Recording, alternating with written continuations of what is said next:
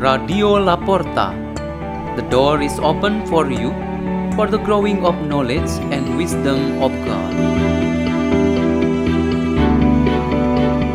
Delivered by Yosefina, Richardus, and Father Peter Tukan SDB from Labuan Bajo, Diocese of Ruteng, Indonesia.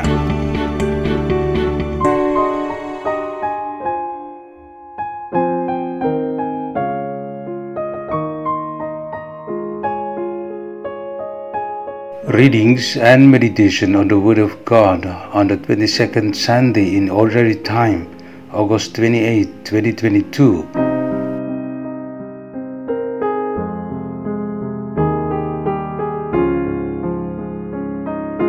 The reading is taken from the book of Sirach. My child, conduct your affairs with humility, and you will be loved more than a giver of gifts. Humble yourself the more, the greater you are, and you will be find favor with God. What is too sublime for you, seek not, into things beyond your strength, search not. The mind of sage appreciates proverbs, and an attentive ear is the joy of the wise. Water quenches a flaming fire, and alms atone for sins. The word of the Lord.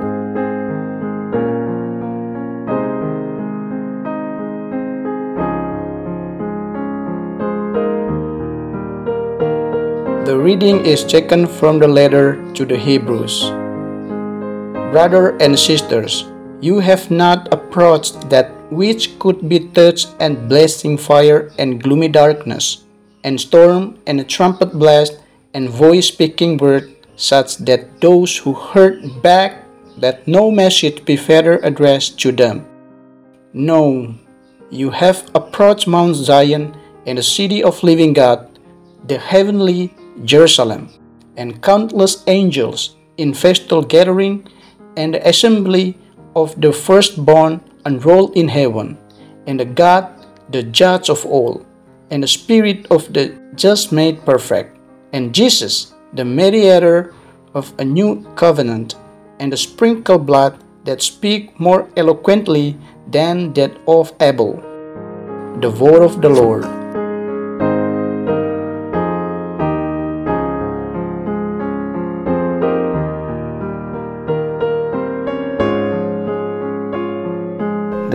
Is taken from the Holy Gospel according to Luke chapter 14, verse 1, verses 7 to 14. On a Sabbath, Jesus went to dine at the home of one of the leading Pharisees, and the people there were observing him carefully. He told a parable to those who had been invited, noticing how they were choosing the places of honor at the table. When you are invited by someone to a wedding banquet, do not recline at table in the place of honor. A more distinguished guest than you may have been invited by him, and the host who invited both of you may approach you and say, Give your place to this man, and then you would proceed with embarrassment to take the lowest place. Rather, when you are invited, go and take the lowest place so that when the host comes to you, he may say, My friend, move up to a higher position. Then you will enjoy the esteem of your companions at the table. For everyone who exalts himself will be humbled, but the one who humbles himself will be exalted. Then he said to the host who invited him, When you hold a lunch or a dinner, do not invite your friends or your brothers or your relatives or your wealthy neighbors in case they may invite you back and you have repayment. Rather, when you hold a banquet, invite the poor, the crippled, the lame, and the blind.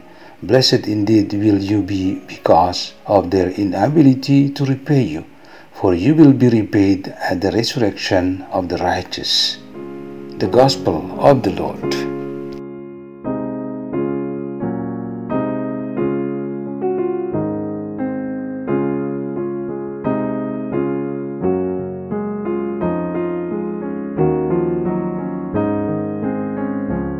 The theme for our meditation on this 22nd Sunday in Ordinary Time is Be Yourself. There is a story about a unique married couple. The husband has the ugliest face among all men in his town, but this man has the ability to think clearly, is good in analyzing problems, and has good communication skill. People have no problem of understanding when he speaks. Instead, the wife is very poor in thinking and communicating. Her IQ is low and it was not possible for her to finish elementary school. She cannot discuss or exchange ideas with others, thus, she is only silent and listening. But she has a very beautiful face and considered the most beautiful one in the town. Many men have proposed to marry her, but she refused and decided to marry the man who is now her husband.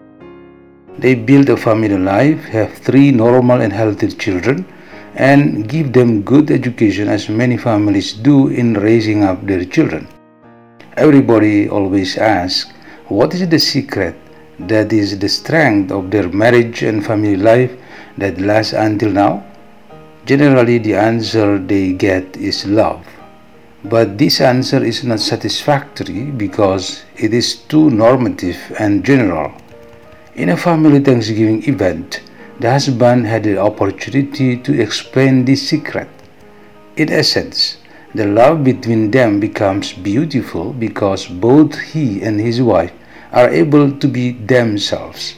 The husband accepts himself, reconciles with himself, and is sincere with himself, and so does his wife. Then the marriage and their family become beautiful. Being yourself is one of the core characteristics of humility. Whether a person has the ability to be himself, he is at least known through some of these characteristics. First, he is not God. He is just an ordinary man who is very dependent on God.